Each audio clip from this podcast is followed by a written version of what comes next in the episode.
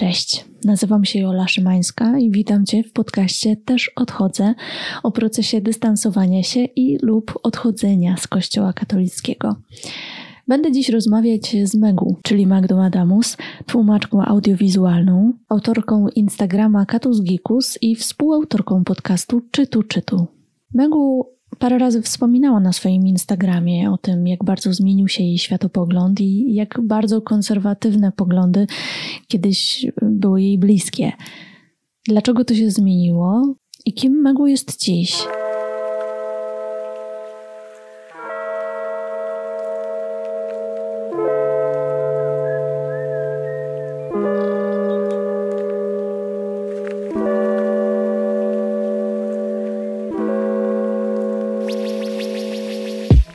Cześć Megu. Cześć. Powiedz mi, jak się czujesz przed naszą rozmową i w ogóle z myślą o tej rozmowie? Właśnie naszła mnie taka myśl, że robię różne rzeczy w internecie od, od wielu lat już w tym momencie.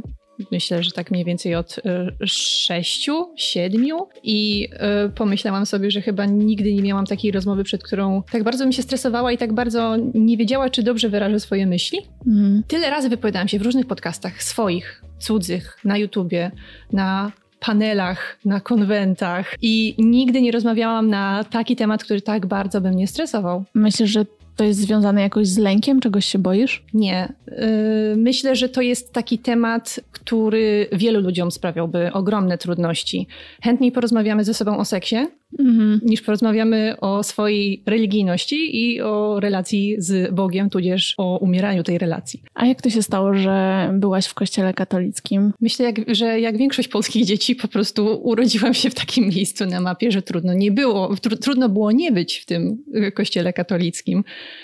Ja urodziłam się w dosyć wierzącej rodzinie i to zawsze było takie naturalne, że jest się częścią tego kościoła. To była część tożsamości, część codzienności i chociaż akurat w mojej rodzinie to było tak, że jeden rodzic był bardzo wierzący, a drugi niekoniecznie, więc teoretycznie miałam styczność z tą, z tą drugą stroną, chociaż to była bardziej taka, nie wiem jak to ująć, to, to, to nie były strony ze sobą walczące mhm. i też ten jeden rodzic nie, nie reprezentował sobą takiego jakiegoś twardego ateizmu, ateizmu, ale y, y, zawsze była ta polaryzacja. Ale mimo to bycie w kościele od samego początku było dla mnie najbardziej naturalną rzeczą na świecie. Mm. Do tego stopnia, że jeżeli spotykało się kogoś, kto jasno mówił o tym, że nie jest w kościele albo że jest ateistą, to patrzyło się na niego nawet nie tyle jak na dinozaura, ale na pewnego rodzaju zagrożenie. Jakoś tak wychowywałam się w takim przeświadczeniu, że obracanie się w towarzystwie, które nie chodzi do kościoła, w jakiś sposób mi zagraża. Mhm. I w jakiś sposób może na mnie wpłynąć źle, że moje nastawienie do kościoła również się zmieni, więc to było wystawianie się mm. na mhm. ciągłe zagrożenie. Od kiedy miałaś takie przekonanie? Że... O tym, że y, zagrożenie jest, jeżeli spotyka się ludzi spoza, że bezpiecznie jest tylko przy ludziach wierzących. Nie powiedziałabym, żeby to było moje przekonanie. To było bardziej coś, co mnie Chociaż nie, wróć, to było moje przekonanie. Na samym początku, na, na samym początku to, było, to, to był jakiś też taki naturalny element tej mojej katolickiej codzienności, że po prostu w moim otoczeniu nie było osób, które myślały inaczej. Mm -hmm. Nie było osób, które nie chodziły do kościoła, nie licząc tego jednego rodzica, mm. ale to tak, e, to w, w, pewnym momencie to tak urosło do takiej, e, do takiej karykatury, bym powiedziała. Mm. Ja tego nie brałam na poważnie, tak? Ta osoba nie była dla mnie zagrożeniem, bo nie, nie, przejmowała się, nie przejmowałam się tym, co ona mówiła, ale rzeczywiście wychowałam się w tak zamkniętym środowisku, co może dziwnie brzmieć, bo to nie było tak, że ja byłam celowo izolowana od osób, które inaczej myślą. Po prostu tak się zdarzyło, tak. że w moim otoczeniu nie było osób, które myślały inaczej, nie było osób, mhm. które nie chodziły do kościoła. Także kiedy się jakąś taką osobę spotkało, albo jakaś osoba przyznała się do tego, że w takim temacie światopoglądowym nie zgadza się z Kościołem, to był dla mnie ogromny szok. Pamiętasz takie sytuacje pierwsze? Pamiętam takie sytuacje, na przykład jak jakaś koleżanka mówiła, że jej nie zależy na tym, żeby zachować cnoty do ślubu. Ona uważa, że seks przedmałżeński jest ok. Mhm. I to było takie. To było takie oburzające i w ogóle rozglądałeś się dookoła i zastanawiałam się, czy ktoś to słyszał, czy tak wolno. Ja mówię o okresie, kiedy ja miałam mało lat. Mówię o okresie, nie wiem, dwunastolatka, mhm, trzynastolatka, mm -hmm, czyli mm -hmm. naprawdę byłam młodą, młodą osobą, która nie poznała jeszcze za bardzo świata. Mm -hmm. To były takie pierwsze sytuacje, związane bardziej z tymi kwestiami no, z ludzką seksualnością, tak? Mm. Bo um, umówmy się, że to jest temat dosyć palący tak, w tak, środowiskach tak. związanych z Kościołem. Nawet kiedy masz 12 lat, to już dobrze wiesz, jak tak. powinno być. Oczywiście, oczywiście. Jeżeli ktoś się wyłamuje z tego światopoglądu, to jest to pewne zachwianie twojego świata, że mm. to mhm. tak może w ogóle, w, w ogóle wyglądać, że ci ludzie istnieją. I z, z mojej obecnej perspektywy wydaje się to śmieszne. Mm. Z mhm. perspektywy tej dwunastolatki, której wydawało się, że świat jest homogeniczny i wszyscy myślą tak samo, a jeżeli nie myślą, to należą do tego złego stronnictwa, to było dosyć poruszające. Mm. No dobrze, no to na czym polegała twoja relacja z Kościołem właśnie w dzieciństwie? O, no, była dosyć intensywna, mm. można by powiedzieć. Pomijając ten cały aspekt tej, y, tej naturalności bycia w kościele, że to jest dla mnie oczywiste, że jest się, y, żyje się w Polsce i jest się katolikiem, ponieważ wszyscy, którzy żyją w Polsce są katolikami. Jak to, jak to nie? Przecież wszyscy deklarują tak, 95% osób w Polsce deklaruje, że jest związana z kościołem, więc tak musi być i oni wszyscy muszą żyć w tym kościele bardzo intensywnie. Ja teraz przedstawiam taki mindset wczesnej nastolatki, która nie wiedziała na czym polega świat. Więc pomijając fakt oczywiście tego, że moja rodzina była, e, była katolicka, to ja od dosyć wczesnego wieku zaczęłam się też sama angażować w bliskie życie z kościołem, polegające na tym, że śpiewałam w kościelnej scholi. Mhm. I robiłam to bardzo długo. Ja to robiłam do studiów. Wow. I to była taka grupa, z której potem wykształciły się takie po prostu przyjaźnie na całe życie. Tam były bardzo, naprawdę bardzo fajne osoby i siedziałyśmy tam z dziewczynami i z chłopakami e, też od, od wczesnego dzieciństwa. Ja miałam 10 lat, jak tam poszłam. Mm-hmm. I siedziałam tam do studiów. To była w pewnym momencie moja najbliższa grupa znajomych i przyjaciół. No ale to, to się wiązało z tym, że często się chodziło śpiewać do kościoła na wszystkie uroczystości, takie, na które myślę, że gdybym nie była w tej scholi, w ogóle bym nie chodziła i nie mm wiedziałabym, co to są fatimki na przykład. Co to są fatimki? No, to są msze połączone z procesją upamiętniające objawienia fatimskie. Chodziło się z figurą. Nie było czegoś takiego u was? U nas ja było. Nie znam. Okay. Ale no to, to, to, to, to okres, okres yy, takiego wczesnego nastolenstwa. Mhm. Też tam były różne występy z tym związane. Yy, jeździłyśmy z takim, yy, jeździłyśmy, mówię w formie żeńskiej, bo tam większość to była dziewczynki. Chłopcy mhm. grali na, na, instrumentach i byli też różni księża, którzy tam się zmieniali, którzy nas prowadzili. I jeździliśmy z takim misterium po różnych okolicznych parafiach. Nagraliśmy płytę i to nie jedną to było takie bardzo fajne, bardzo fajne przeżycie z dzieciństwa. Do dzisiaj to są mhm. super wspomnienia, które mam z tym związane. I byliśmy też na przykład y, w Rzymie u papieża. Zebraliśmy o, pieniądze na pielgrzymkę. U Jana Pawła II U Jana jeszcze? Pawła II jeszcze. Jakieś dwa lata przed jego śmiercią, tak mi się wydaje. Mhm. Więc to jest całe moje dzieciństwo. Całe moje dzieciństwo obracało się wokół tej scholi, na, na tych wszystkich wyjazdach, y, na tych wszystkich mszach, próbach, bo tych prób było mnóstwo. Ja też uwielbiałam śpiewać, więc mnie to do, do dzisiaj lubię, ale teraz już nie mam niestety okazji. Więc to wszystko sprawiało mi mnóstwo frajdy, ale też y, to nie była wspólnota, tak? Mm. Bo y, można było należeć do y, zespołu i nie być specjalnie religijną osobą. Mm. I było mnóstwo takich osób, więc to nie wiązało się z takim bardzo intensywnym, emocjonalnym przeżywaniem wiary w takim sensie, że nie musieliśmy spędzać godzin na modlitwie. Oczywiście były, były, były modlitwy, były msze, na które chodziłyśmy, ale nie było w tym tego, i nie chcę użyć jakiegoś takiego brzydkiego słowa, ale pierwsze słowo, które przychodzi mi do, do głowy w tym momencie, nie było tam takiej skrajnej dewocji, tak? Mm. I to była bardziej, powiedzmy, grupa towarzyska, ludzi związanych z kościołem, ale to nie była wspólnota. Mm bo takie rzeczy wspólnotowe zaczęły się u mnie dopiero później, ale też nigdy tak naprawdę do końca w to nie weszłam. Okej, okay, to nie była taka y, wspólnota typowa tylko i wyłącznie religijna, ale ty przeżywałaś to jakoś religijnie? To było dla ciebie ważne pod tym względem duchowym, czy totalnie tylko towarzysko? Myślę, że w tamtym okresie byłam jeszcze trochę za mała, mhm. żeby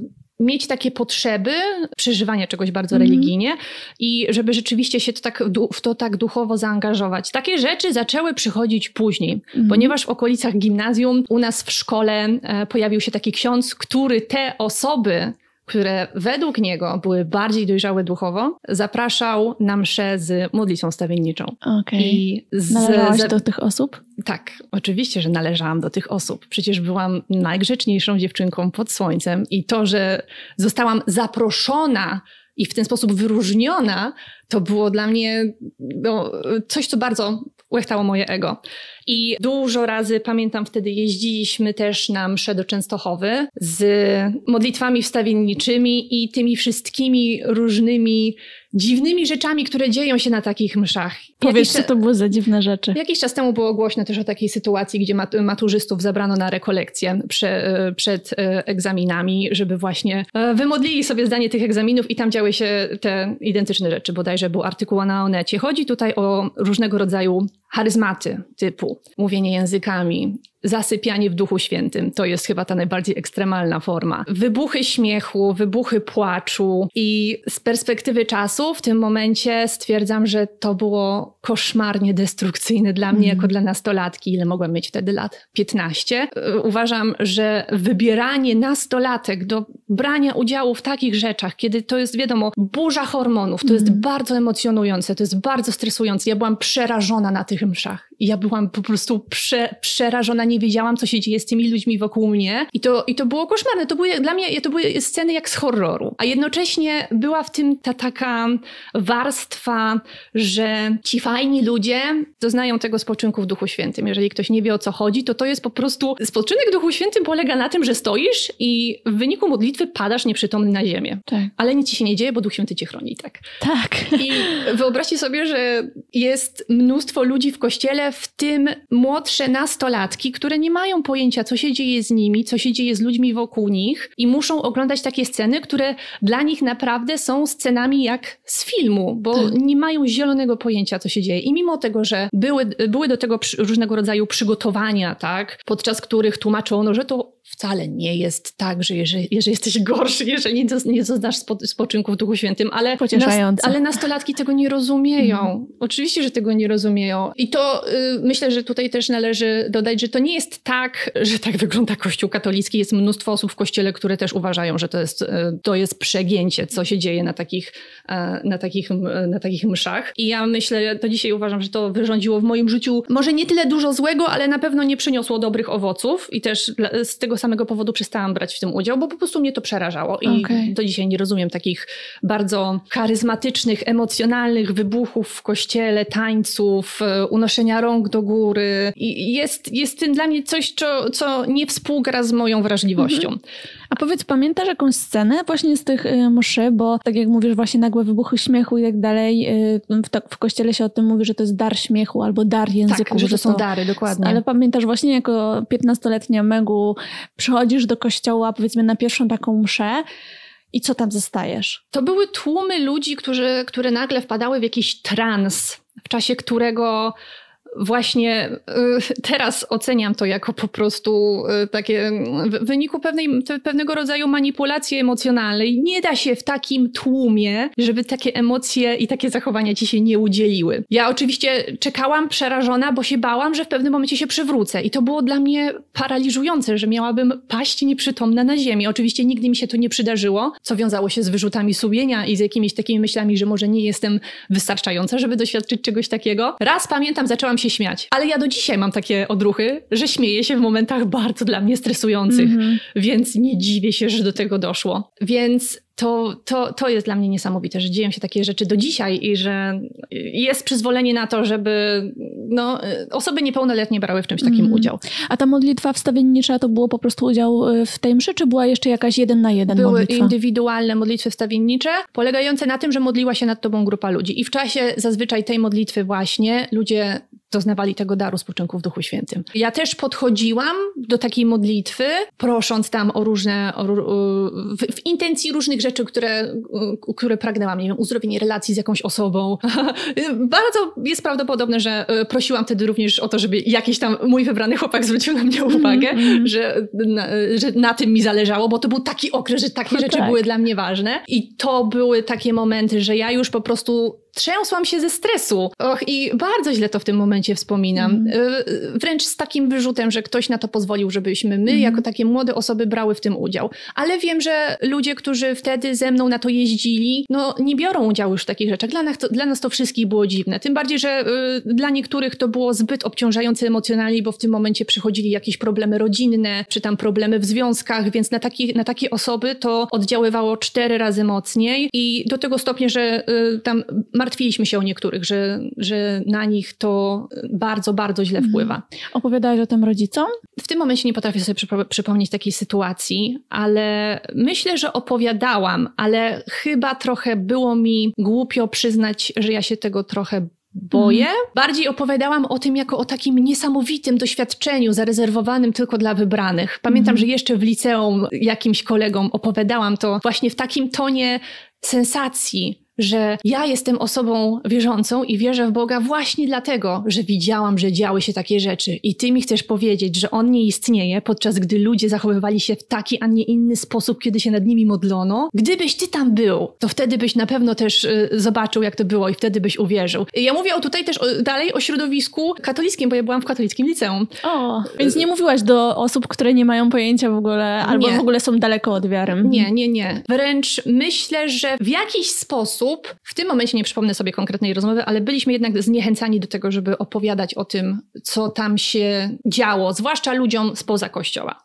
bo to zostanie źle zrozumiane, to zostanie źle odebrane, okay. źle zinterpretowane. To lepiej będzie by nasza mała, słodka tajemnica. Tak, lepiej zachować to po prostu dla siebie. Jak to na ciebie wpłynęło, myślisz, jeżeli chodzi właśnie o y, z jednej strony wiarę, a z drugiej strony o zdrowie psychiczne? Bo powiedziałaś, że a, na mnie to chyba nie za bardzo wpłynęło, no ale nie, nie zanotowałaś jakby zmiany, że na przykład bardziej się odsunęłaś od y, takiej zaangażowanej wiary, albo wręcz przeciwnie, bardziej się zaangażowałaś? Nie, to znaczy zdecydowanie y, zniechęciło mnie to do wszelkiego rodzaju wspólnych wspólnot, do wszelkiego rodzaju takiego bardzo ekspresywnego przeżywania wiary. Do, do, chciałam powiedzieć do dzisiaj, ale już w tym momencie do kościoła nie chodzę, ale jak jeszcze chodziłam do kościoła, to właśnie nie lubiłam tych takich momentów, kiedy wszyscy zaczynali się modlić bardzo intensywnie i niektórzy słyszałam za mną, że na przykład zaczynają mówić tymi językami. To już mm. po prostu był ten moment, kiedy ja wywracałam oczami. Wciąż mm. będąc w kościele, bo uważałam, że okej, okay, ale musisz... Mm serio. I y, wiadomo, że to, to, y, to nie dzieje się na każdej mszy. To bardziej jest taka msza właśnie, jeżeli się odwiedzało przez y, przypadek jakąś mszę w innej wspólnocie, to zdarzały się takie rzeczy. Często się wiążą z takimi jeszcze mszami y, dwa tematy. Jeden to uzdrowienia, a drugi to egzorcyzmy. To też się tam zdarzało, czy nie? Na miejscu nie byłam świadkami, nie byłam świadkiem e, nigdy takich, mhm. takich rzeczy. Uzdrowienia na pewno nie. No, egzorcyzmy jakieś tam niby występowały w tej naszej naszej, w tej naszej grupie to też jest e, coś, co podciągam pod listę tych rzeczy. Hashtag nigdy nie rób tego nastolatkom, mm -hmm. ponieważ nastolatkowie to w tym momencie przychodzą burze hormonów, mają własne problemy i narzucanie im jeszcze tego myślenia, że może ich problemy wynikają z tego, że są opętani, jest dla mnie ogromnym, ogromną krzywdą, jaką można, można, mm. można im wyrządzić. A powiedz, czym była dla ciebie e, w takim razie wiara? Bo z tego, co mówisz, wynika, że też tak e, bardzo rozsądnie podchodziłaś do tego, widząc coś, co wywołuje w tobie sobie emocje, których nie chcesz przeżywać, dystansowałaś się i szukałaś w innych miejscach tego Boga. Kim był dla ciebie Bóg, jaki on był i, i co było właśnie w wierze dla ciebie najważniejsze, co cię jednak w kościele trzymało? Myślę, że było to takie poczucie, że jestem w kościele, więc jestem dobrym człowiekiem. Czułam się dobrze sama ze sobą, regularnie uczęszczając do kościoła, modląc się. To mi dawało w pewien sposób taki, taki wewnętrzny spokój. Do tego stopnia, i dzisiaj się z tego śmieję, ale wtedy tak naprawdę, tak naprawdę myślałam, że okej, okay, jestem w stanie łaski uświęcającej, bo przyjęłam właśnie komunię. Jeżeli wyjdę z kościoła i potrąci mi autobus, pójdę prosto do nieba. Haha, tyle wygrać. To, to, to, Czyli poczucie bezpieczeństwa. To, to, to dawało mi rzeczywiście poczucie bezpieczeństwa, ale też takie poczucie wspólności wspólnoty, czułam, że jestem wśród swoich ludzi, że wszyscy myślimy tak samo, więc to znowu jest y, to budowanie tego po, poczucia przynależności, poczucia bezpieczeństwa, że wszystko jest tak, jak być powinno. Więc kiedy zaczęły się pojawiać takie pierwsze wyrwy, ale to było dużo, dużo, dużo później, no to to automatycznie burzyło to poczucie bezpieczeństwa, więc to było takie dosyć przykre wtedy. Ale to, to było, to, to jeszcze minęło sporo lat, zanim, zanim to się zaczęło. Bo ja miałam okres tego takiego intensywnego, emocjonalnego przeżywania wiary za nastolatki i to było jeszcze coś takiego, że przeżywałam to sama w sobie w serduszku. Ja nie rozmawiałam z ludźmi o tym, co, się, co, co przeżywam w, tak, tak religijnie. Nie, nie czułam takiej potrzeby po prostu. A potem poszłam do katolickiego liceum ponieważ znowu szukałam tej przynależności i uważałam, że to jest taka odważna, dorosła decyzja, że ja jako katoliczka chcę wciąż obracać się tylko wśród ludzi, którzy reprezentują podobny światopogląd, więc pójdę do katolickiego liceum. Z dzisiejszej perspektywy mówię, haha, ponieważ katolickie licea to największa wylęgarnia ateistów, jakie znam. Ale to niesamowite, że to było z twojej inicjatywy. Myślałam, tak. że rodzice cię posłali. Nie, nie, nie, nie. Ja, ja sama chciałam. Y, miałam starsze koleżanki w tym liceum, więc yy, wiedziałam, że będę tam kogoś znała, ale pamiętam właśnie to uczucie, które mi towarzyszyło, że ja jestem taka dojrzała, że dokonuję mm. samodzielnie takiej decyzji. Moi rodzice by mnie na coś takiego nie namawiali. Gdybym mm. chciała iść do innego liceum, to, to nie byłby żaden problem, bo to nie było takiego z ich strony, tym bardziej, że jeden rodzic nie był specjalnie wierzący. Z ich strony nie, nie było takiego popychania mnie w stronę jeszcze bardziej zaangażowanej wiary, jeszcze bardziej zaangażowanego budowania jakiejś grupy rówieśniczej, takiej mm. tylko i wyłącznie wierzącej. Więc u nas, u nas tego na szczęście mm. nie było. I poszłam, poszłam do liceum i jeszcze liceum mi upłynęło w takiej powiedzmy hura optymistycznej atmosferze przeżywania religijności, a na przełomie liceum i studiów to zaczęło być bardziej poszukiwanie takiej swojej światopoglądowej tożsamości. I tu już zaczęły się ze mną dziać rzeczy, z których dzisiaj nie jestem specjalnie dumna. To mhm. znaczy, zaczęłam bardzo łączyć kwestie religijne z kwestiami politycznymi. Okay. Zaczęłam czytać Frondę, zaczęłam udzielać się na forum Frondy, zaczęłam czytać bardzo prawicowe, przegięte rzeczy typu, o mój Boże, jak się nazywały te wszystkie pisma? One już dzisiaj nie istnieją ale jakieś tam y, chyba pismo Nowy Obywatel, jakieś takie periody, tygodniki, których dzisiaj bym kijem nie tknęła. Och, ale to, czy to był najwyższy czas? Ja chodziłam, ponieważ byłam, studiowałam w Krakowie, to mm. chodziłam na spotkania Towarzystwa Piotra Skargi to, z czego okay. wyrosło Ordo Juris dzisiaj, okay. to ja tam chodziłam na różnego rodzaju spotkania, takie bardziej zajmujące się historią, że, e, że Torquemada był dobry i inkwizycja była super, wszyscy kłamią, to tak naprawdę wcale nie było takie krwawe. To były tego rodzaju, e, wow. to były tego, tego, tego rodzaju rzeczy. Ja czytałam książki również wydawane przez Frondę. Jest jedna, jedna taka wstrętna powieść o tym, że feministki i geje chcą zniszczyć świat i porywać dzieci, żeby je gwałcić. Ja łykałam takie rzeczy jak mm. młody pelikan. Okay. Mój Boże, jak ja byłam podatna na takie utwierdzanie się właśnie w tym swoim konserwatyzmie światopoglądowym, mm. już nawet nie związanym z religią, ale związanym bardziej z tą całą walką z cywilizacją śmierci. Po prostu najgorszy możliwy pakiet łączący religię z polityką i prawicą. Och, po prostu aż mi dzisiaj mierdzi, że ja robiłam takie rzeczy i czytałam takie rzeczy. Ale jak myślisz, czego tam szukałaś? Co, co to ci dawało? Dzisiaj wiem, że to dawało mi bardzo mocne poczucie wyższości nad innymi. O mój Boże, jak ja kochałam wtedy siebie. Jak ja uwielbiałam się w środku, w megu rozwodzić nad tym, jaka to jestem lepsza od innych, bo raz, że chodzę do kościoła. Ale normiki też chodzą do kościoła, więc to nie chodziło tylko o normiki, samochody. czyli normalsi? No, no normal, normalne ludzie okay. też chodzą do kościoła. Ja byłam z tych lepszych ludzi chodzących okay. do kościoła, bo nie dość, że byłam mocno wierząca i modliłam się codziennie, to ja jeszcze wierzyłam, że aborcja to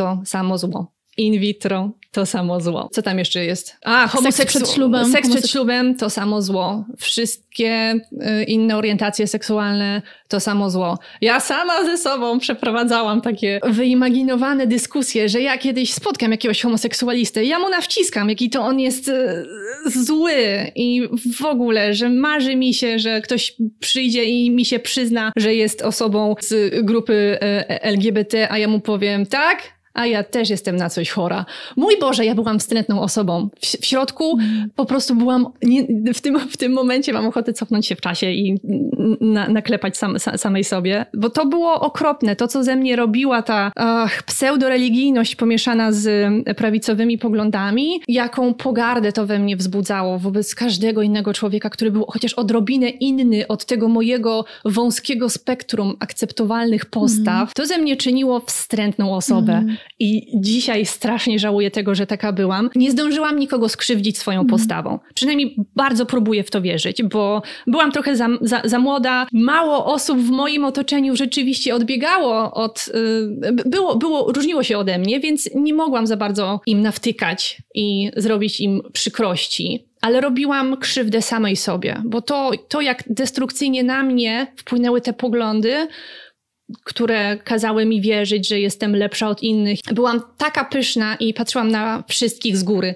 Nawet na tych letnich katolików, bo letni katolicy są najgorsi, tak? No tak. A ja byłam od nich lepsza, bo nie byłam letnia. Och, jak ja byłam mm. gorąca. O Jezu, jaka ja byłam gorąca. Och, I to było, to było wstrętne. Strasznie się dzisiaj tego wstydzę. A jak mówisz o tym, że tobie to zrobiło największą krzywdę, to no, na czym ta krzywda polegała? Na czym polegało właśnie te konsekwencje dla ciebie? Myślę, że to bardzo zniszczyło mi charakter i to bardzo utwierdzało mnie w takim przekonaniu elitystycznym, że jestem lepsza od innych, bo ja tutaj jestem w stanie zdobyć się na takie poświęcenie, żeby nie uprawiać tego seksu do ślubu. Mhm. A ci wszyscy inni ludzie, którzy nie potrafią zapanować nad własną chucią, chociaż to przecież jest takie proste, nie było proste, tutaj mm. disclaimer, nie było proste, to oni są ode mnie gorsi. Mm. Ale miałaś swoje też środowisko, poznałaś właśnie znajomych o podobnych poglądach wtedy, czy ty byłaś e, jedną taką wysepką w morzu letnich katolików i innych złych I to ludzi? jest właśnie ciekawe, to jest właśnie bardzo ciekawe, dlatego że wydaje mi się, że ja byłam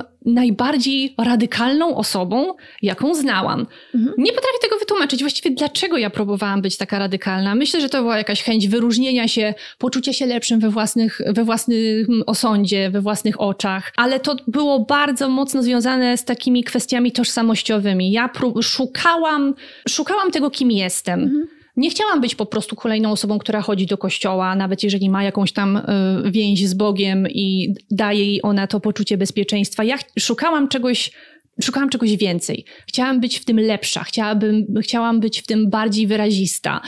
I myślę, że osobom dookoła mnie to mogło trochę imponować, ale one chyba sobie nie zdawały sprawy z tego, że krzywdzi mnie w środku jako, mm. jako człowieka. Tym bardziej, że zaczęły mnie w życiu spotykać takie rzeczy, które bardzo radykalnie musiały ten światopogląd zweryfikować, mm. że mhm. to nie jest tak, jak ja sobie zawsze wyobrażałam. To nie jest takie proste, żeby trzymać się tych zasad. A nawet jeżeli się nie dotrzyma tych zasad i się czasem upadnie, to nie czyni cię złym człowiekiem. Mm. Także nie wiem, ile razy muszę to po, po, po powtórzyć, ale y, bardzo mocno to wciąż y, we mnie rezonuje, to, że strasznie żałuję tego, jaką osobą wtedy byłam. Było to na swój sposób formacyjne i użyteczne z dzisiejszej perspektywy, ponieważ bardzo dobrze rozumiem ludzi, którzy są po tej drugiej stronie, mhm. bo ja tam byłam i wiem, co mną kierowało, wiem, jakie myśli miałam, myśląc o tych innych ludziach, którzy są chociaż odrobinkę odmienni niż ja i yy, nie wpadają do tego mojego, do tej mojej banieczki bardzo konserwatywnych i prawicowych osób, ale niemniej jednak nie jestem zadowolona z tego, jaką osobą wtedy byłam.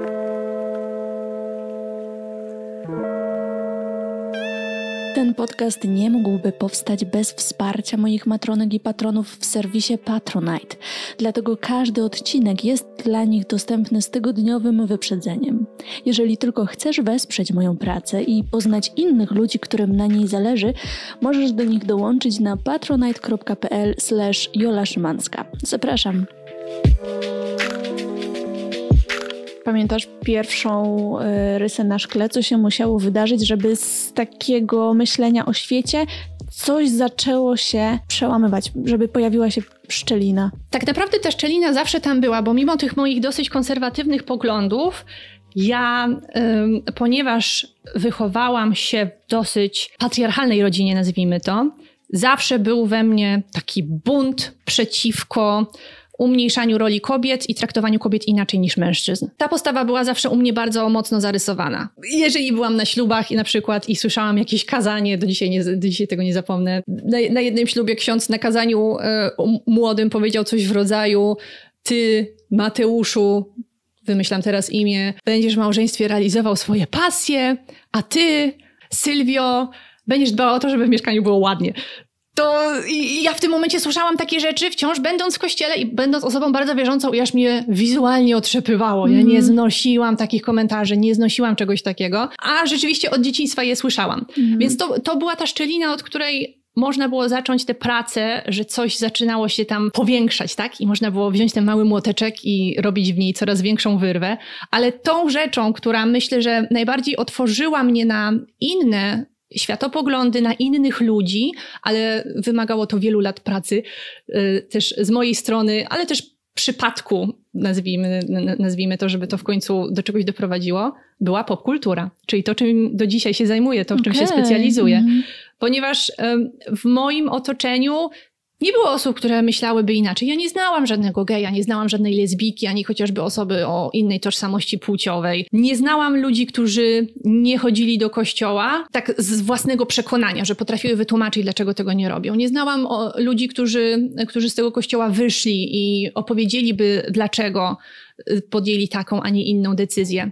Więc kiedy zaczęłam szukać informacji o popkulturze w internecie. Zaczęłam czytać blogi, oglądać coraz więcej seriali, filmów.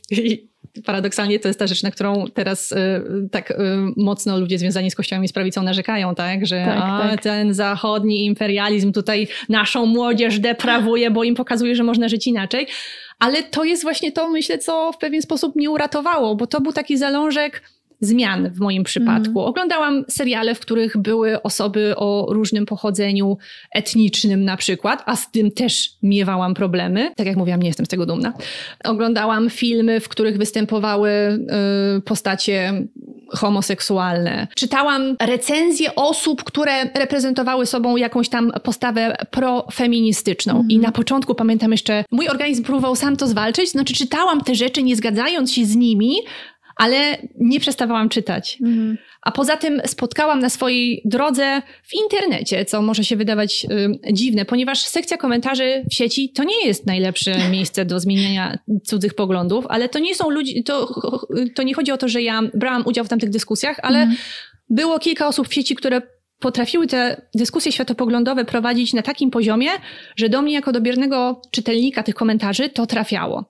I to jest coś, co do dzisiaj bardzo mocno podkreślam, że dyskusje w internecie nie są dla tych dyskutantów, tylko dla tych ludzi, którzy tam gdzieś siedzą w domu i czytają je, nie biorąc, nie biorąc w nich udziału. Bo jestem dowodem na to, że one mogą jakoś ludzi zmienić i mogą im pokazać, że da się inaczej. Mm. I to jest, to jest ten moment, kiedy coś zaczęło się we mnie zmieniać. To znaczy, zaczęłam być bardziej tolerancyjna, chociażby dla homoseksualistów przedstawianych w popkulturze. Ja nie miałam wtedy znajomych homoseksualnych, mm. ale to już była podstawka po to, że jeżeli, że kiedy w końcu zaczęłam mieć w swoim środowisku osoby LGBT, to nie byłam dla nich suką, którą mogłabym być, gdybym wciąż miała takie poglądy jak wcześniej. Mhm. Jak to e, sobie tłumaczyłaś, że dlaczego oni nie mają, nie mogą być w związkach na przykład, a ty możesz? To są takie oczywiste pytania, których ja sobie wtedy nie zadawałam. Ponieważ okay. jeżeli bym sobie zaczęła je zadawać i może w podświadomości to robiłam, to by wzbudzało we mnie dysonans, ponieważ na logikę to nie miało sensu, prawda? Mm. I to były to były te rzeczy, które powiększały tą wyrwę, która się tam w moim sumieniu gdzieś pojawiała. Raz, że dlaczego ci ludzie nie mogą być razem, jeżeli ja mogę mieć chłopaka, mogę mieć narzeczonego, mogę mieć męża. I dlaczego ja jestem temu tak przeciwna, jeżeli mnie osobiście to nie szkodzi. Mhm. I to jest to jest ten temat, to jest to ziarenko, które tak we mnie kiełkowało. Dlaczego ja się czemuś sprzeciwiam, jeżeli to nie jest mój problem, jeżeli to nie dotyczy mnie bezpośrednio? I to, nie, to zaczęło rozrastać się na inne tematy, nie tylko homoseksualistów i ewentualnie możliwości zawarcia przez nich związków partnerskich, bo to był ten pierwszy etap, mm. że mhm. okej, okay, może związki partnerskie spoko, potem może te małżeństwa jednak spoko, a na samym końcu, a może adopcja dzieci przez nich też spoko. I po prostu zaczęłam powoli zauważać, że jeżeli ma się bardzo konserwatywny światopogląd, to w dużym stopniu jego realizacja w środowisku i w polityce polega na ograniczaniu praw innych. Chociaż realizacja tych praw mnie jako jednostce nic by nie zrobiła. Mhm. Nie skrzywdziłaby mnie, nie odebrałaby mi tych praw, bo jeżeli osoby homoseksualne mogłyby brać śluby, to nie sprawiłoby, że ja nie mogę brać ślubu. Jeżeli oni mogliby adoptować dzieci, to nie sprawiłoby, że ja nie mogę adoptować dzieci. Jeżeli jakaś kobieta mogłaby dokonać aborcji, to nie sprawiłoby, że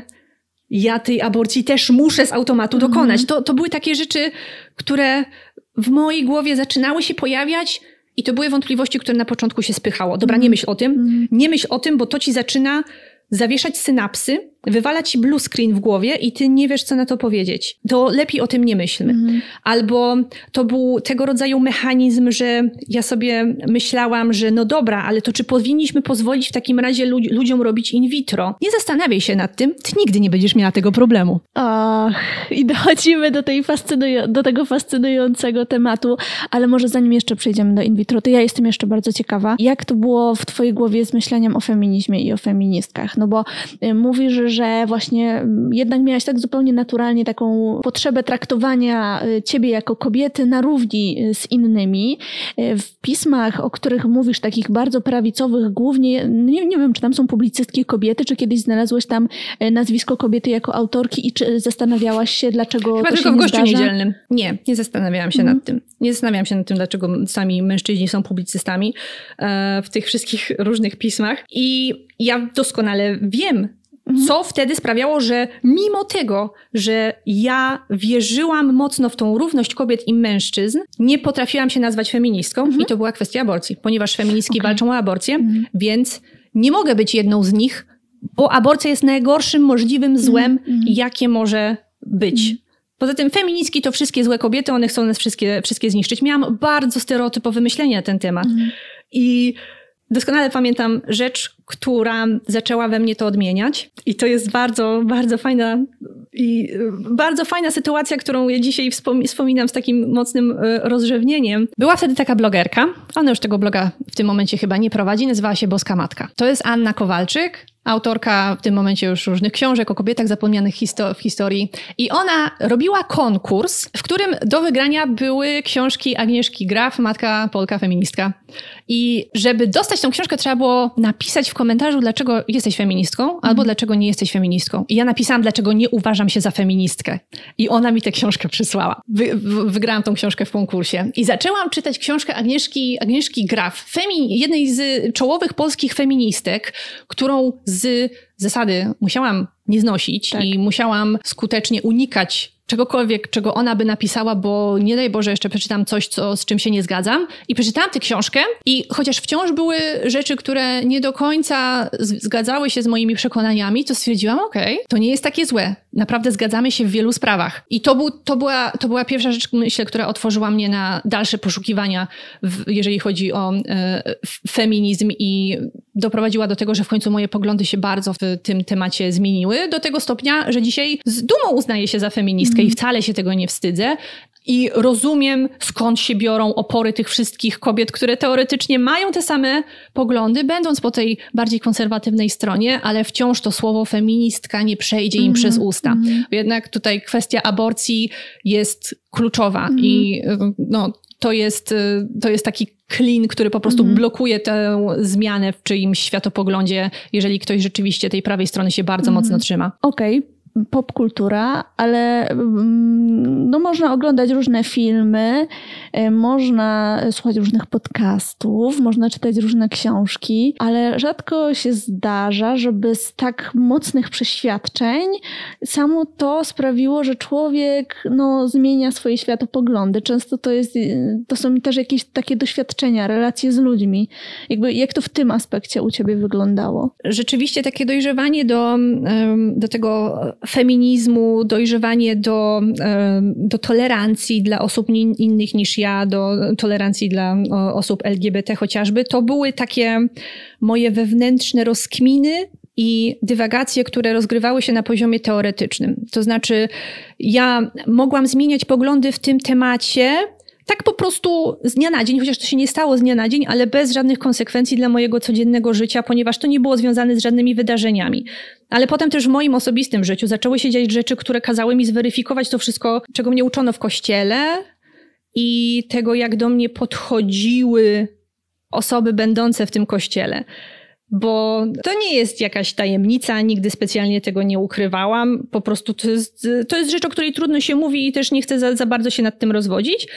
Ale ja jestem po rozwodzie i po kościelnym unieważnieniu małżeństwa. I to są rzeczy, które zmieniły mnie w tym sensie, że wiem, jak to jest, kiedy jesteś bardzo samotną osobą, pozbawioną wszelkiego wsparcia i ludzie, na których wcześniej mogłaś liczyć się, zaczynają od ciebie odwracać.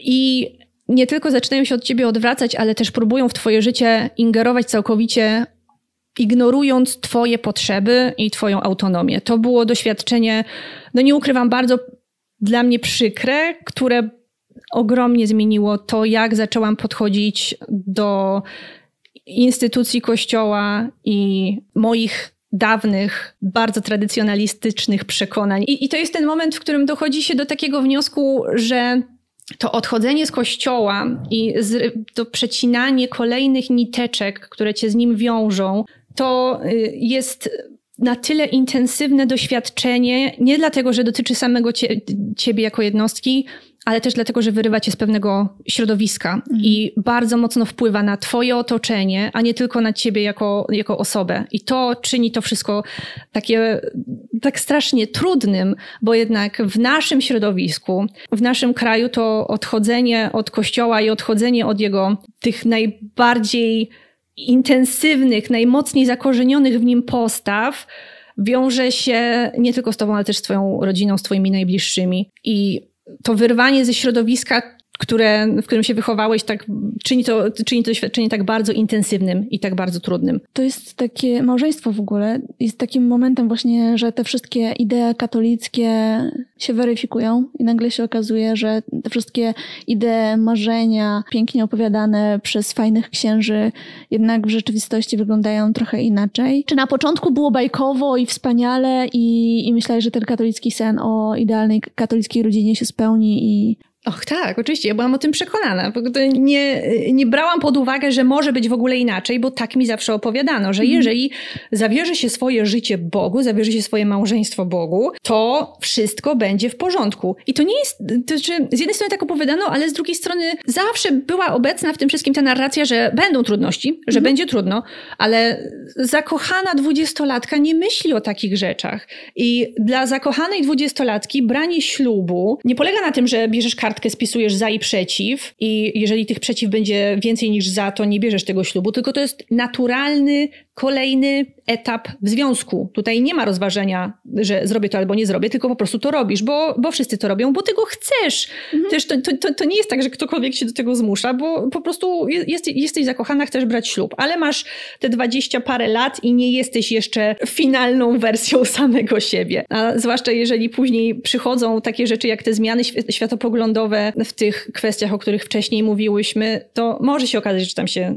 mhm. ro, ro, rozmijacie. Ale y, nie, nie, chcę tutaj wchodzić w szczegóły Jasne. i nie chcę opowiadać o naszym, o, o, o, związku, który wcześniej miałam, ponieważ to nie jest tylko moja sprawa i Jasne. nie powinnam wciągać w to innych osób, ale y, bardziej traumatyczne później, później było to samo odchodzenie. Bardziej traumatyczne mhm. było, był ten rozwód i wiążące się z nim odejście od pewnej wyidealizowanej mhm. wersji y, kościoła, bo to było trudne nie tylko dla mnie, to było bardzo trudne dla mojego otoczenia. I, i to, to już był ten moment, kiedy ja tak bardziej osiągnęłam, nie osiągnęłam jeszcze finalnie, ale zaczynałam osiągać samoświadomość w swoich poglądach i wiedziałam, dlaczego robię niektóre rzeczy, a, a moje otoczenie tego nie rozumiało. Więc ścieraliśmy się na takiej płaszczyźnie, że ktoś mówił, że przecież przysięga, skrzywdzisz tego, tego, tego, temu, a temu będzie przykro. Ale przecież przysięga, ale przecież przysięga. A, a, ja, a ja stałam po tej drugiej stronie i mówiłam, ale przecież ja, mhm. ale przecież moje uczucia, ale przecież moje przeżycia,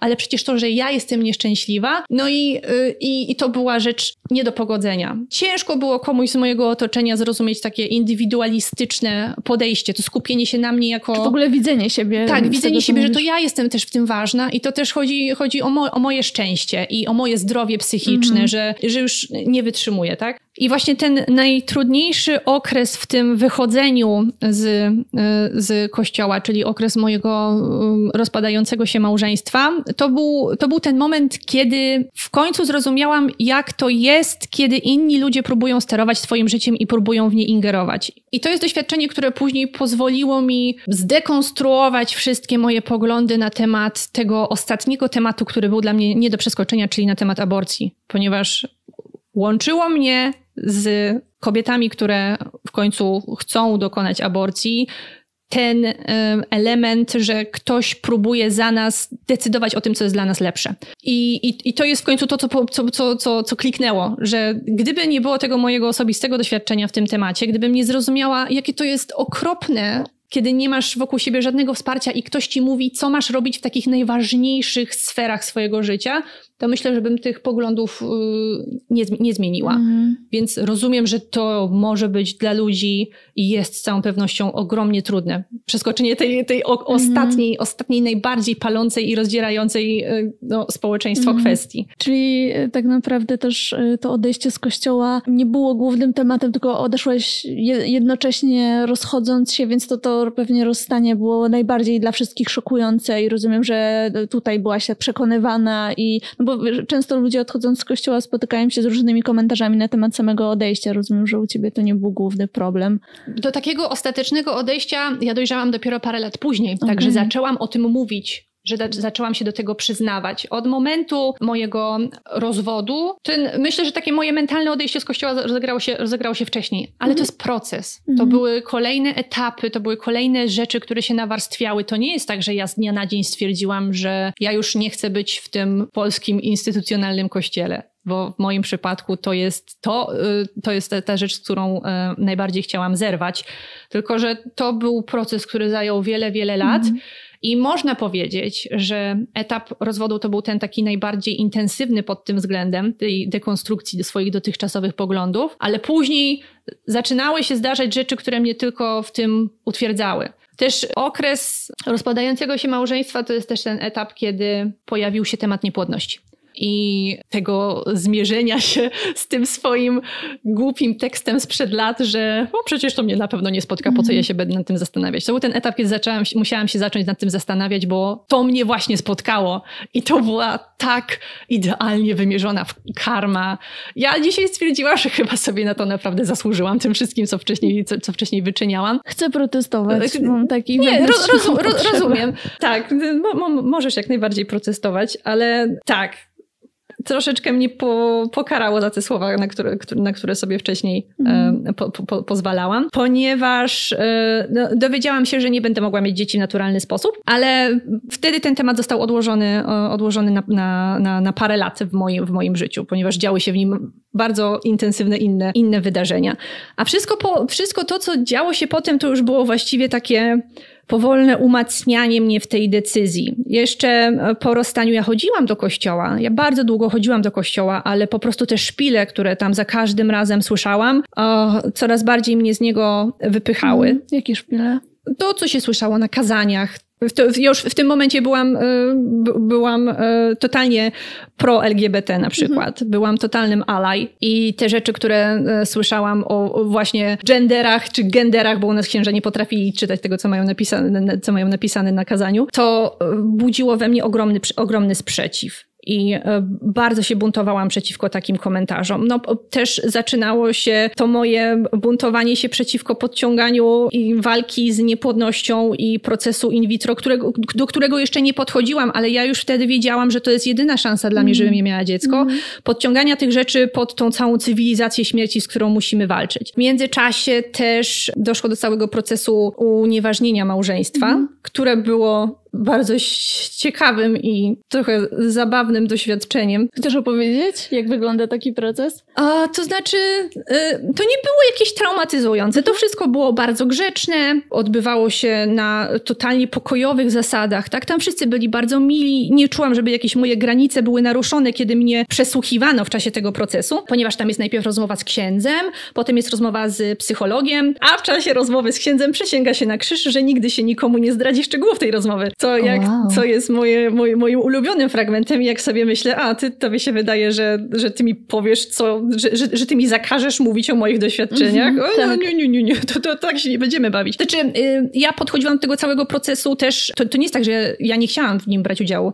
Ja powiedziałam, okej, okay, dobra, robimy to i szłam tam wszystkim na rękę, bo, bo też chciałam to zakończyć i nie chciałam nikomu robić kłopotu. To nie mnie na tym zależało. I to właściwie po, tym, po tych dwóch etapach rozmowy z księdzem i rozmowy z psychologiem mogło się odbywać totalnie beze mnie, bo potem tam byli jeszcze świadkowie przesłuchiwani i tak dalej. I w końcu ostat, ostatecznie to ten wyrok, który stwierdzał nieważność małżeństwa na podstawie, umówmy się, e, mojej niedojrzałości psychicznej i ja powiedziałam, że dobra, totalnie na to idę, spoko, mm. ponieważ uważam, że w wieku lat 23 nikt nie jest do, dojrzały do małżeństwa i tak naprawdę jakby się nad tym zastanowić, to każde najbardziej katolickie, najbardziej wierzące małżeństwo na podstawie tego paragrafu da się unieważnić. Dlatego, kiedy już dostałam ten wyrok i go przeczytałam, to stwierdziłam, że do, równie dobrze można to uznać za takie moje forma, formalne pożegnanie z Kościołem, ponieważ totalnie nie wierzyłam w te wszystkie przesłanki, które. W to uzasadnienie, tak? To znaczy, wierzyłam w to uzasadnienie pod tym względem, że tak godzę się z tym, że no po prostu nie każdy w wieku tych dwudziestu paru lat jest niezdolny, nie, niedojrzały jeszcze do małżeństwa. Myślę, że większość osób nie jest, więc tak. to, było to, to, to było uczciwe postawienie sprawy. Ale w tym wyroku były takie, takie, takie komentarze, które też próbowały uznać moją taką ogólną życiową niedojrzałość, mm. zwalić na przykład na to, że mam własne zainteresowania i poświęcam im czas. I to było coś, co wzbudziło we mnie taki och, ogromny wewnętrzny sprzęt przeciw, że, że już stwierdziłam, tak, dobra, to krzyżyk na drogę, to cześć, to ja już, to, to, to, to, to, to, to by było na tyle. Ale to był wciąż taki proces, który jeszcze nie miał w moim wypadku formalnego zakończenia, jeżeli chodzi o to odchodzenie do kościoła, bo ja oficjalnie o tym, mimo że przestałam do niego chodzić, to wciąż tak wewnętrznie i publicznie nie powiedziałam, mhm. że ja też odchodzę że ja już, już się pożegnałam, że dla mnie to, był, to będzie koniec. I myślę, że takim ostatecznym gwoździem do trumny tej mojej polskiej katolickości były wszystkie wydarzenia polityczne i społeczne, które rozegrały się tutaj w ciągu ostatnich trzech lat. Mhm. To znaczy Marsz Równości w Białymstoku. To było coś, co mnie tak przeorało totalnie, że wtedy postanowiłam, że zaczynam głośno mówić o tym, że, że to, już, to już nie jest mój klub, że ja już się z niego wypisałam. Bo to był ten moment, kiedy dla mojego sumienia to było za dużo. Nie potrafiłam chodzić do kościoła, wiedząc, że ten sam kościół głosi takie, a nie inne nienawistne rzeczy o, o drugim człowieku. Czy to były feministki biorące udział w tych pierwszych jeszcze protestach, nie w tym ostatnim czarnym proteście, bo wtedy to już byłam, już, już, już się dokonało, tak. powiedzmy. Tak. Czy to, co mówiono o feministkach, czy to, co mówiono o osobach LGBT, czy to, co mówiono o dzieciach urodzonych z in vitro, podczas gdy ja już wtedy byłam ostro w procesie, w procesie in vitro i bardzo stara, starałam się o to, żeby, żeby zajść w ciążę, to było dla mnie nie do przeskoczenia. I to był ten moment, kiedy moje sumienie nie pozwalało mi dalej chodzić do kościoła, ponieważ bardzo mocno czułam, że swoją fizyczną obecnością legitymizuje to, co tam się dzieje. Mhm. Myślę, że mnóstwo osób teraz ma podobne, podobne odczucia, bo, bo to, to z tego, co obserwuję, to był ten etap właśnie w tej najnowszej historii, kiedy mnóstwo osób zaczęło mieć podobne myśli i zaczęły się pojawiać po raz pierwszy publicznie takie, takie komentarze, że właśnie z tego powodu ludzie mają mają problem z kościołem. Mm. I to było to, to było to domknięcie się tego e, etapu, mm. kiedy zaczęłam się do tego w końcu przyznawać i robiłam to z takim przeświadczeniem, że mnie było trudno przez te wszystkie lata, kiedy pojawiały się te małe wyrwy i próbowałam je powiększyć i byłam tak bardzo niepewna w tych swoich e, poglądach, bo wiedziałam, że tak naprawdę coś mnie blokuje, żeby przyjąć je w całości, ten, e, ten tradycyjny, bardzo konserwatywny światopogląd i bardzo by mi wtedy pomogło, gdybym spotkała kogoś innego na swojej drodze, który, kto tak samo myślał i kto powiedziałby mi, nie jesteś nienormalna, my też tak mamy. I mhm. dlatego y, tak zaczęłam na swoim Instagramie powoli też poruszać takie światopoglądowe tematy. Też mówiłam o tym, jak odchodziłam od kościoła, jak e, po, podejście do osób LGBT między innymi zmieniło to moje, zmieniło to moje podejście, bo bo chciałam dać innym ludziom otuchę, że nie są w tym wszystkim sami. Mhm. A w tym, e, niestety, w naszym miejscu na świecie i na mapie Europy to jest bardzo trudne, bo też najbardziej przekonałam się o takiej jeszcze jednej rzeczy, o której chciałabym powiedzieć, że możliwość publicznego odejścia z kościoła i przyznania się do tego na forum, czy to w internecie, czy to w swojej rodzinie, to jest ogromny przywilej. To jest ogromne uprzywilejowanie i musiałam e, czekać parę lat na to, żebym mogła coś takiego zrobić. Nie sądzę, żebym została całkowicie odrzucona, bo nie, nie zostałam nigdy odrzucona przez moją rodzinę, ale było to dla wszystkich dosyć, dosyć trudne doświadczenie. Ale też to, że mogłam wyjechać, że y, jestem w Warszawie, w dużym mieście, mam swój, swój krąg znajomych, w, w którym czuję się bezpiecznie, mówiąc te rzeczy, które mówię, w którym wiem, że nikt mi y, nie potraktują mnie z pogardą za to, że mam takie, a nie inne poglądy, że sama siebie utrzymuję i nie jestem zależna od moich rodziców finansowo. To są takie rzeczy, o których się mówi w innych tematach, w kontekście innego rodzaju uprzywilejowania, tak? Takiego finansowego, jeżeli chodzi o ubóstwo na przykład, że można uciec z tego, z tego ubóstwa od na przykład rodziny przemocowej, toksycznej, właśnie wyjeżdżając do innego miasta, czy tam mając własne pieniądze i dla takich osób ta zmiana jest dostępna, ale nie mówi się o tym, że w kontekście odejścia od kościoła w Polsce to też jest rodzaj uprzywilejowania, że my możemy odejść, bo jesteśmy dorośli, bo się sami utrzymujemy, bo nikt, tak. nam, nikt nas nie, nie zaszantażuje, że nie chodzisz do kościoła, no to wypieprzaj z mojego domu. A są tacy ludzie, którzy takie rzeczy robią tak. i to jest bardzo, bardzo smutne. Cieszę się, że o tym powiedziałaś. Powiedz, myślisz sobie e, czasem e, o tym, co by było, e, gdyby, gdybyś nie miała problemów z zajściem w ciążę i gdyby te, te nadzieje się spełniły w katolickim małżeństwie, że wszystko byłoby tak, że czułabyś się dobrze? Czy myślisz, że, że kiedykolwiek by się zweryfikowały Twoje poglądy, Twoje spojrzenie na te tematy? Bo tak sobie myślę, że taka historia jak Twoja, taki, taka historia jak moja, ktoś, kto, komu właśnie się no, poszczęściło i jakoś tam wszystko, nie jest mu tak trudno żyć w zgodzie z tymi wszystkimi katolickimi zasadami, jest mu tak bezpiecznie znajome miejsce, co jest zupełnie okej okay zrozumiałe. Myśli sobie, a właśnie to mnie nie dotyczy, to jest jakiś taki margines, są nieważni ci, którzy są mniejszością, którzy mają trudniejsze doświadczenia, oni nie są ważni, ważne, że u mnie się to trzyma kupy i to jest ludzkie, to, to jest zrozumiałe. Bo myślisz sobie czasem, czy też byś właśnie w ten sposób myślała, co by było, gdyby? Nie myślę sobie, co by było, gdyby, bo wiem, że ja nie wymyślę tego alternatywnego scenariusza. Mhm. Nie mam zielonego pojęcia, co by się stało, gdyby moje życie potoczyło się inaczej, ale też nie żałuję, że potoczyło się w taki, a nie mhm. inny sposób, ponieważ uważam, że to wszystko, co mnie spotkało i to wszystko, co przeżyłam, te wszystkie takie własne, wewnętrzne rozmyślania, które doprowadziły mnie do osiągnięcia takich, a nie innych poglądów, to jest tak niesamowicie ważna formacja duchowa, psychologiczna, która doprowadziła mnie do tego, że teraz czuję się ze sobą dobrze, mm. bo w tym momencie już naprawdę niczego nie udaję, bo już nie, nie mam takiej potrzeby, żeby utrzymywać, że mam jakieś inne poglądy, które tak naprawdę się ze mną wewnętrznie nie zgadzają, tylko po to, żeby nie poczuć się odtrąconą przez moje środowisko. Więc jestem bardzo wdzięczna za to, że mogłam taką drogę przejść, bo naprawdę w tym momencie, kiedy robię wszystko w zgodzie ze swoim sumieniem i ze swoimi wewnętrznymi przekonaniami, czuję, że jestem w dobrym miejscu, mhm. ja jako osoba. Nie mówię, że to się, że, że nigdy się już nie zmienię, tak? Bo przyjmuję, że można zmienić jeszcze poglądy na różne tematy i to nie jest porażka, jeżeli się zmieni te poglądy. Myślę, że nie do wszystkich, nie dla wszystkich jest to oczywiste.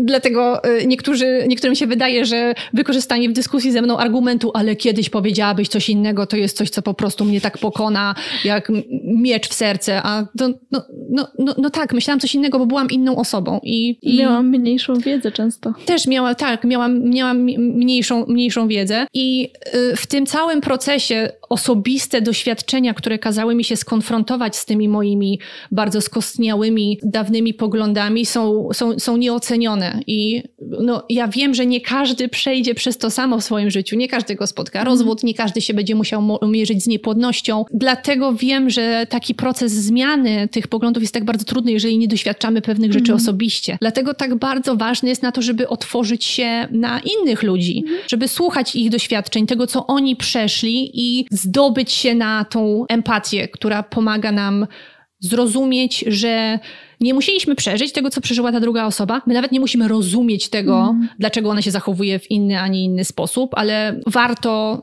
być otwartym na to, że ludzie są różni, że mają różne doświadczenia, że różne rzeczy w swoim życiu przeżyli. Nie musimy się we wszystkim zgadzać, nie musimy mieć takich samych poglądów ani takiego samego pomysłu na życie, ale warto pozwolić, żeby inni mogli żyć w zgodzie ze swoimi przekonaniami, tak samo jak ja mogę żyć w zgodzie ze swoimi. I to brzmi tak banalnie teraz, tak? To brzmi tak wyidealizowanie idealizowanie, ale to jest, to jest ten zestaw poglądów, który w tym momencie mnie przyświeca. Mm. Żeby żyć w zgodzie ze sobą mm. i nie muszę zgodzić się ze wszystkimi innymi, nie muszę rozumieć, dlaczego ktoś podejmuje takie, a nie inne decyzje, ale niech sobie je podejmuje i czuję się dobrze, że to właśnie te zasady i empatia, bo odkry, odkryłam po prostu, co to co znaczy to słowo i na czym polega empatyczna postawa dzięki temu, że, że nie, nie okazywano jej mnie wcześniej, że to, że to jest właśnie coś, co, no, co może uczynić świat lepszym, tak? Mm. Ja wiem, że to jest takie idealistyczne pierdu pierdu w tym momencie, ale ja naprawdę dobrze się czuję w, w, z tymi poglądami, do których doszłam dzięki tym wszystkim doświadczeniom. Myślisz czasem o apostazji? Dokonałaś w ogóle apostazji? Nie, bo mi się nie chce. Też no, nie ukrywam, że apostazja w tym momencie, yy, w zależności od tego, na jakiego księdza się trafi, wiadomo, mm bo oni też chyba troszeczkę się zaczynają do tego przyzwyczajać, może się wiązać z takim stresem i niepotrzebnym otwieraniem się na konfrontację, że chcę sobie oszczędzić tego doświadczenia. Jasne. To znaczy mam takie myśli w tych naj, w, w chwilach największego wkurzenia, kiedy znowu episkopat coś powie, znowu jakiś ksiądz coś odwali, znowu jakiś polityk powołując się na naszą homogeniczną katolickość całego narodu stwierdzi, że tak, to w takim razie musimy wprowadzić takie prawo, bo wszyscy jesteśmy katolikami, przecież wszyscy tak myślą, to, to wtedy to jest taki pierwszy mój odruch, a to ja wam pokażę, dobra, to się wypisuje z tego kościoła. No to niczego nie zmieni, mm. to moje wypisanie się, więc, więc po prostu z, z lenistwa chyba nie, nie chce mi się tym zajmować w tym okay. momencie. E, słuchaj, e, przeczytam ci teraz e, po kolei kilka ostrzeżeń przed odejściem z kościoła, które często się słyszy, które często słyszą osoby odchodzące, czy dystansujące się, czy mające kryzys wiary. Jestem bardzo ciekawa, czy kiedykolwiek się z nimi spotkałaś. Pierwsze brzmi Kościół to jest najpiękniejsze miejsce na świecie i są tu wspólnoty robiące prawdziwe dobro. Poza Kościołem tego nie ma. Słyszałaś o, kiedyś coś nie, nie, nie, nie, słyszałam, ale ja nie, nie, znoszę tego poglądu. Znaczy, ja nie, nie, nie, nie znoszę tego poglądu i tego, czy, czy co się z nim wiąże. To znaczy, że tylko w kościele istnieje moralność, a ludzie poza kościołem to ucieleśnienie wszelkiego zła, którzy nie posiadają żadnego kodeksu moralnego i mhm. najchętniej to by się sobie wszyscy przegryzali tętnicę na ulicy. To, to jest takie durne. Mój tak, tak. Boże. Tak. I to jest y, y, taki o, trochę oddźwięk tego, y, z czym się wychowałam, tak? Że na tych ludzi, którzy są poza kościołem, to, to, to, na nich warto uważać, że jednak mm. lepiej budować sobie takie środowisko, które siedzi w tym kościele, bo, no, bo oni mogą cię sprowadzić na złą drogę. No, w, w ogóle to we mnie nie, na mnie nie działa takie mówienie. Mm, Okej. Okay. E, drugie e, ostrzeżenie. To w kościele są najwspanialsi ludzie i to tylko tutaj znajdziesz prawdziwych przyjaciół. Moje życie udowodniło mi, że, że to nie jest prawda. Gdy dzisiaj mam przyjaciół, którzy są poza kościołem głównie i ojoj, no, no nie, no. Na każde to zdanie usłyszysz moje y, kategoryczne nie. Aha, ale spotkałaś się kiedyś z tym, że ktoś cię ostrzegał, że prawdziwa przyjaźń jest tylko w kościele? Nie, no ale tak jak mówiłam, ostrzegano mnie przed tym, że żeby nie przyjaźnić się z ludźmi spoza kościoła, A, że okay, oni w ten sposób. tak bad seed, że oni coś, coś, coś tam złego ze sobą niosą. Okay. Jeżeli nie masz tych zasad katolickich, no to czym się kierujesz? To już zwierzęce instynkty. Tak, to jest, to jest ten... tak, tak. Prawo naturalne. Tak. Okej, okay, a y, ostrzegano cię, że no poza kościołem nie będziesz y, miała sakramentów. Jak, a jak życie bez sakramentów w ogóle? A wiesz, co teraz tak do mnie dotarło, że jakoś to nigdy się tym nie przejmowałam. Mhm. to był mój najmniejszy problem w tym wszystkim. Myślę, że odchodzenie od kościoła bardziej było dla mnie takie traumatyzujące i e, e, poruszające na, na tej płaszczyźnie e, wspólnotowej, takiej środowiskowej, ale same, utrata samych sakramentów mnie jakoś nie ruszała na tym etapie. Może mm. gdybym wcześniej odchodziła, gdy, gdy byłam bardziej duchowo zaangażowana, to by mnie ruszyło. Ale mm. teraz nawet mi to przez myśl nie przeszło. Tylko w kościele jest prawda, Bóg i miłość. Bóg może, skoro ludzie w kościele w nim wierzą. Prawda i miłość? Absolutnie nie. A czy nie byłaś ostrzegana albo nie obawiałaś się, że poza kościołem doświadczysz pustki? Oj, to jest takie wygodne, prawda? W sensie zakładanie, że ludzie, którzy odchodzą z kościoła, to po prostu w ich sercu od tego momentu panuje wieczna ciemność i nic tam nie ma. Ale to jest takie naiwne. Przecież świat jest taki bogaty w różne światopoglądy i w różne postawy i w różne, w różne uczucia, które można przyjąć za swoje po prostu no, to wszystko, co powiedziałaś, to brzmi jak lista rzeczy, którymi katolicy sami siebie straszą, żeby, bo, broń Boże, oni nie odeszli z kościoła. Że oni się, oni się boją, że to taki właśnie los ich tam na zewnątrz, na zewnątrz czeka. Ale jeżeli już ktoś wyjdzie i trafi na dobrych, empatycznych ludzi, którzy przyjmą go takim, jakim jest, to się przekonuje, że to nie jest prawda. To jest bardzo wygodne, żeby używać tego rodzaju argumentów, ale ja na własnej skórze przekonałam się, że to no, no to jest poziom argumentacji dla mnie dziecka z podstawówki. To naprawdę, to w ogóle do mnie nie trafia. Te wszystkie tak. straszaki, tak? Nie, ale u mnie się pojawiało jeszcze grożenie piekłem, tak? O, grożenie Więc piekłem, okej. Okay. Jeżeli odejdę z kościoła, to skończę w piekle. I co? I, i... To jest dla mnie naj, najgorszy możliwy argument do przyjęcia, bo to jest taki szantaż emocjonalny, a, a to jest coś, co mnie zawsze wkurzało. Szantażowanie mm emocjonalne to, to była dla mnie czerwona flaga, która po prostu niszczyła całą argumentację drugiej strony i już po prostu nie tak. potrafiłam jej słuchać, bo myślałam, że z czym do ludzi? Z czym ty do mnie przychodzisz? Będziesz mnie straszył, że ja też kończę w piekle, jak nie będę, jak nie, nie będę wierzyła w Bozie?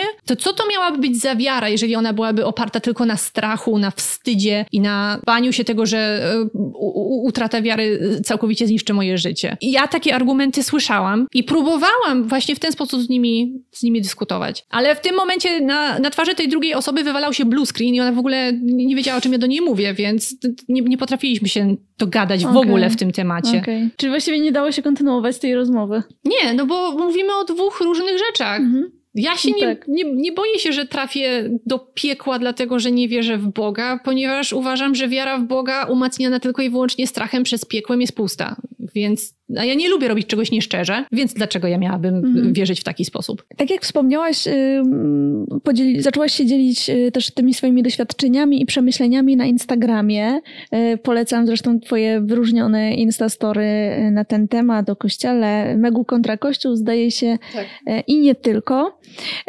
Jak na to zareagowali twoi odbiorcy? Oni w ogóle wiedzieli, że ty byłaś w kościele? Czy ty w ogóle kiedyś wspominałaś o tym? Nie, w tym moim internetowym wcieleniu y, ja nie podkreślałam y, swoich poglądów mhm. wcześniej. Y, od momentu, jak zaczęłam się zajmować popkulturą, to ja nie pisałam, nie pisałam o takich rzeczach. Nie, nie przyznawałam, że chodzę do kościoła. Znaczy, nie, nie miałabym z tym problemu, ale to po prostu nie, wypł nie, nie wypływało. Jasne. Bo to, to, nie był, to nie był ten temat. Ja kiedyś miałam innego bloga, ale to Boże, ja miałam jakieś naście lat, jak go prowadziłam i tam pisałam takie różne światopoglądowe rzeczy, które dodaję w tym momencie do, momencie do listy bzdur, których się wstydzę Typu, mając 12 lat, próbowałam brać świato, udział w światopoglądowych dyskusjach na temat aborcji. Pisałam rzeczy typu, że no, jak się już zajdzie w ciąży i się jej nie chce, to trzeba nieść ten krzyż.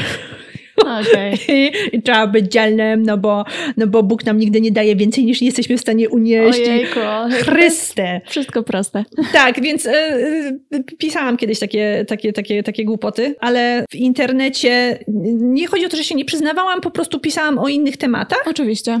Ja tam nawet kiedyś mówiłam, że wzięłam ślub przy okazji analizowania sukienki Kopciuszka z, z filmu disneyowskiego. To prawdopodobnie o czymś takim wspominam, ale ja nie prowadziłam działalności lifestyle'owej w internecie, mhm. więc to nie było wtedy ważne. Ale e, kiedy zaczęłam mówić o takich rzeczach związanych z odejściem z kościoła, zastanawiałam się, czy spotka mnie jakiś hejt albo jakieś niemiłe komentarze. I poza jakimiś bardzo rzadkimi przypadkami, które się po prostu od razu, o, o, od razu banuje, bo nawet się nie wchodzi w dyskusję z takimi ludźmi, zostałam po prostu tak zasypana wiadomościami prywatnymi, w której ludzie opowiadali swoje historie odejścia z kościoła albo udziału w, we wspólnotach charyzmatycznych, bo to chyba przy tak, okazji twojego tak, artykułu pamiętam. w Tygodniku Powszechnym mhm. napisałam o tym, że ja jeździłam na takie, na takie msze i po prostu to był było też dla mnie niesamowite, ile ja tych wiadomości dostałam od ludzi, którzy wciąż się wahają, którzy, u których dopiero ten proces się zaczyna, ale się wstydzą, że nie mają z kim o tym porozmawiać,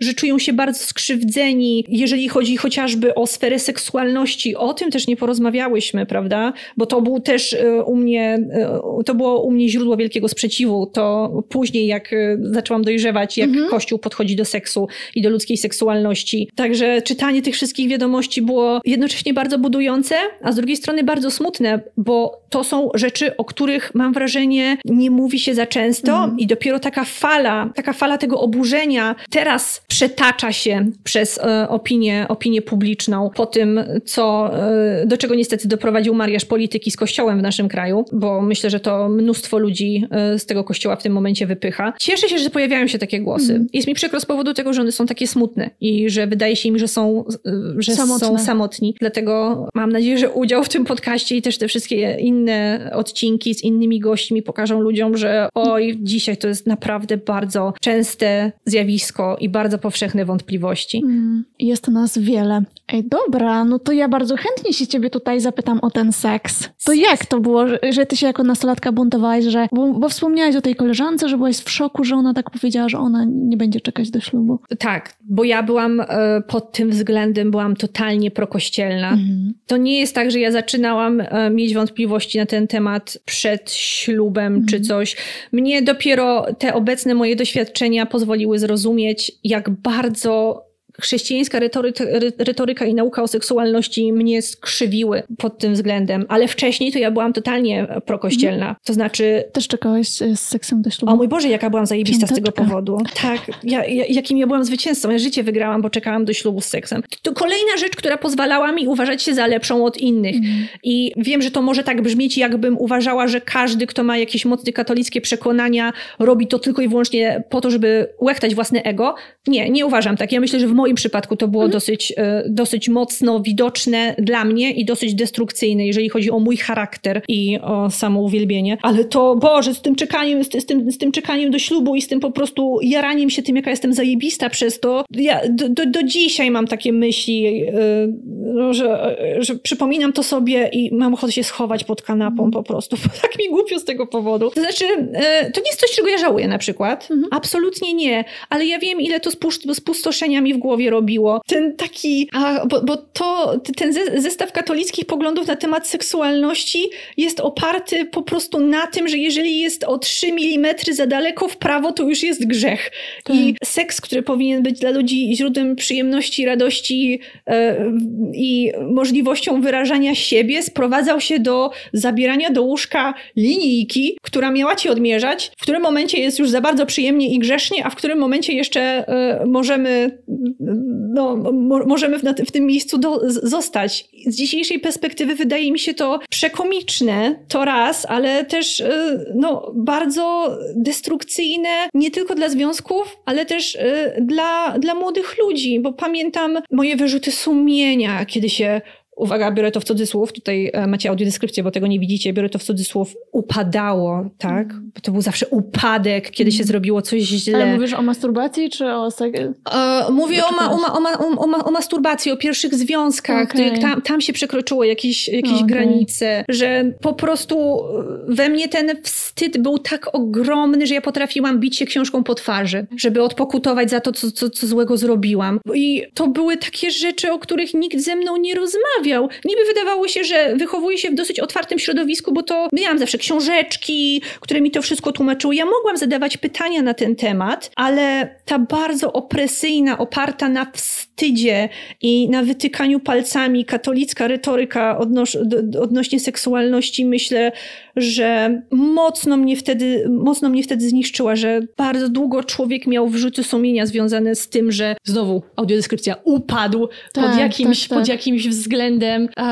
i... I było zaskoczenie, że to się po ślubie nie zmieniło nagle? A po, a, a po ślubie to się zaczęło wertowanie różnych katolickich książeczek i sprawdzanie, czy, czy to możemy, czy tu się możemy pocałować i tu się możemy dotknąć, czy tak. jednak grzech. Dobra, 3 centymetry w prawo grzech. Dobra, to wracamy 3 centymetry mm. w lewo okej, okay, tutaj już za długo, o nie możemy, jest za dobrze, dobra, wracamy, to przestajemy się dotykać. Mój Boże, jakie to jest ograniczające.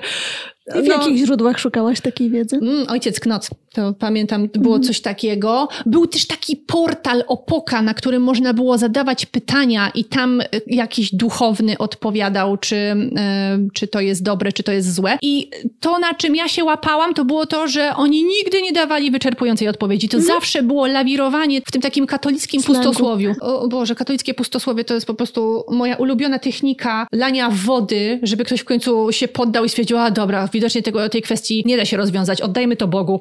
Tak, tak. Typu, no skoro męska masturbacja doprowadza do wytrysku nasienia, co jest marnowaniem tego nasienia i to jest złe, bo to jest opisane w Biblii, a dziewczyny mogą? Czy nie mogą? I, i nigdy, nigdzie nie dostaniesz odpowiedzi na to mm. pytanie. A jeżeli można osiągnąć orgazm tylko i wyłącznie e, bez penetracji, to czy to wolno, czy nie wolno? Po prostu lawirowanie między tymi wszystkimi zakazami i nakazami to było takie konfundujące i jeszcze włączając to wszystko naturalne metody planowania rodziny, mm. które e, och, również e, dostarczały niesamowitych wrażeń pod względem konfundowania samego siebie, to dopiero była jazda na, jazda na sterydach. Kolejna rzecz, której nie żałuję, mhm. przy czym to jest znowu rzecz, która pozwalała mi e, tak y, zachowywać y, samouwielbienie dla samej siebie. I teraz możecie się wszyscy ze mnie śmiać, bo to było, Jezu, patrzcie jak mi wychodzi. Tutaj temperaturka, tutaj śluzy i patrzcie, nie ma ciąży. Nie zachodzę w ciąży. Nie zachodzę w ciąży, jestem genialna. Potem się dopiero okazało, że nie zachodziłam w ciąży, bo miałam zblokowane jajowody, więc no, nie, choćbym stanęła na głowie, na rzęsach tak, i się zesrała, tak. to mnie nie zaszła. Także to nie była, to nie była wina tej metody, po prostu to, no, tak. Nie, tak. E, nie, nie, nie, uważam, że to jest absolutnie w stu procentach nieskuteczne, dlatego że po prostu ja byłam, e, byłam niepłodna i dlatego to na mnie, dlatego to w moim przypadku działało. Ale tak, wydaje mi się to niezwykle, e, niezwykle zabawne, że ja byłam wtedy taka zadowolona z siebie, że mi to wychodzi, ale jak miało wyjść, jak ja po prostu miałam innego rodzaju problem.